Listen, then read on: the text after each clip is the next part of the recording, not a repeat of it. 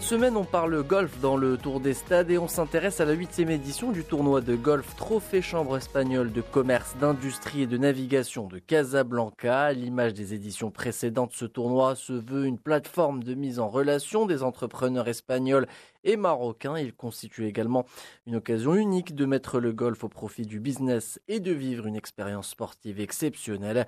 Cette compétition s'est érigée au fil du temps en un rendez-vous incontournable où se croisent sport, affaires et amitié.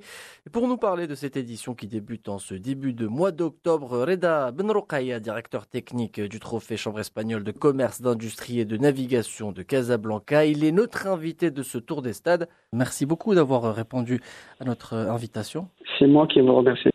Donc, euh, première euh, question, parlez-nous un peu de, pour euh, les auditeurs qui ne connaissent pas l'événement, rapprochez-nous de ce qui nous attend durant cet événement. Voilà, cet événement, il sera organisé le 5 octobre prochain, ce sera un samedi, sur le parcours de Prestigia Boscoura à Tony Jacqueline. Et on a la chance que ce soit cette année la huitième édition qui rapproche les Marocains des Espagnols. Ça prouve les relations qu'il y a entre les deux pays. Et c'est l'occasion aux amateurs de pouvoir se mesurer entre 0 et 28 index.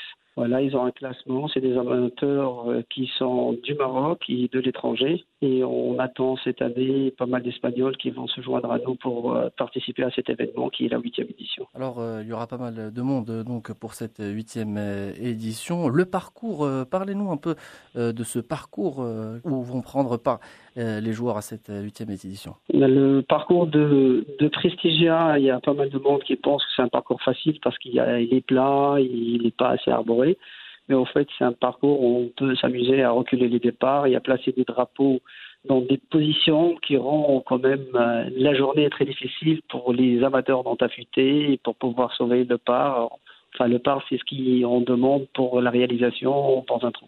Il y aura de la compétition durant ces jours euh, parcours de Prestigia. La participation marocaine euh, est importante en plus de la participation espagnole. Qu'en est-il justement des chances des Marocains dans ce tournoi? Ben, en général, on a un quota de 60% pratiquement des Marocains. Et comme chaque année, ben, ça dépend de la forme du jour des joueurs, mais dans les trois premières places qui seront gratifiées, on a toujours des Marocains et des Espagnols.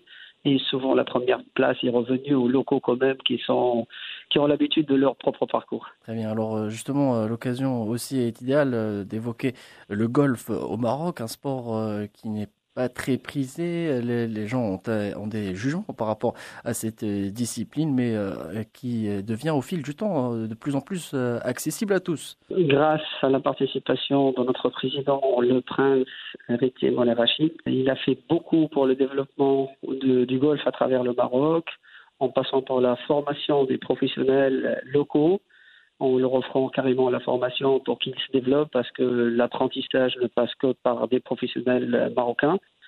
Et on a surtout une vingtaine d'académies aujourd'hui à travers le Maroc et il y a le, la Trône qui se passe chaque année et on voit qu'il y a des jeunes qui montent grâce à la participation des clubs et surtout de la Fédération royale marocaine de golf. Le rendez-vous est donc pris pour le 5 octobre prochain au parcours du Prestigia Golf pour cette huitième édition du Trophée Chambre espagnole de commerce, d'industrie et de navigation de Casablanca.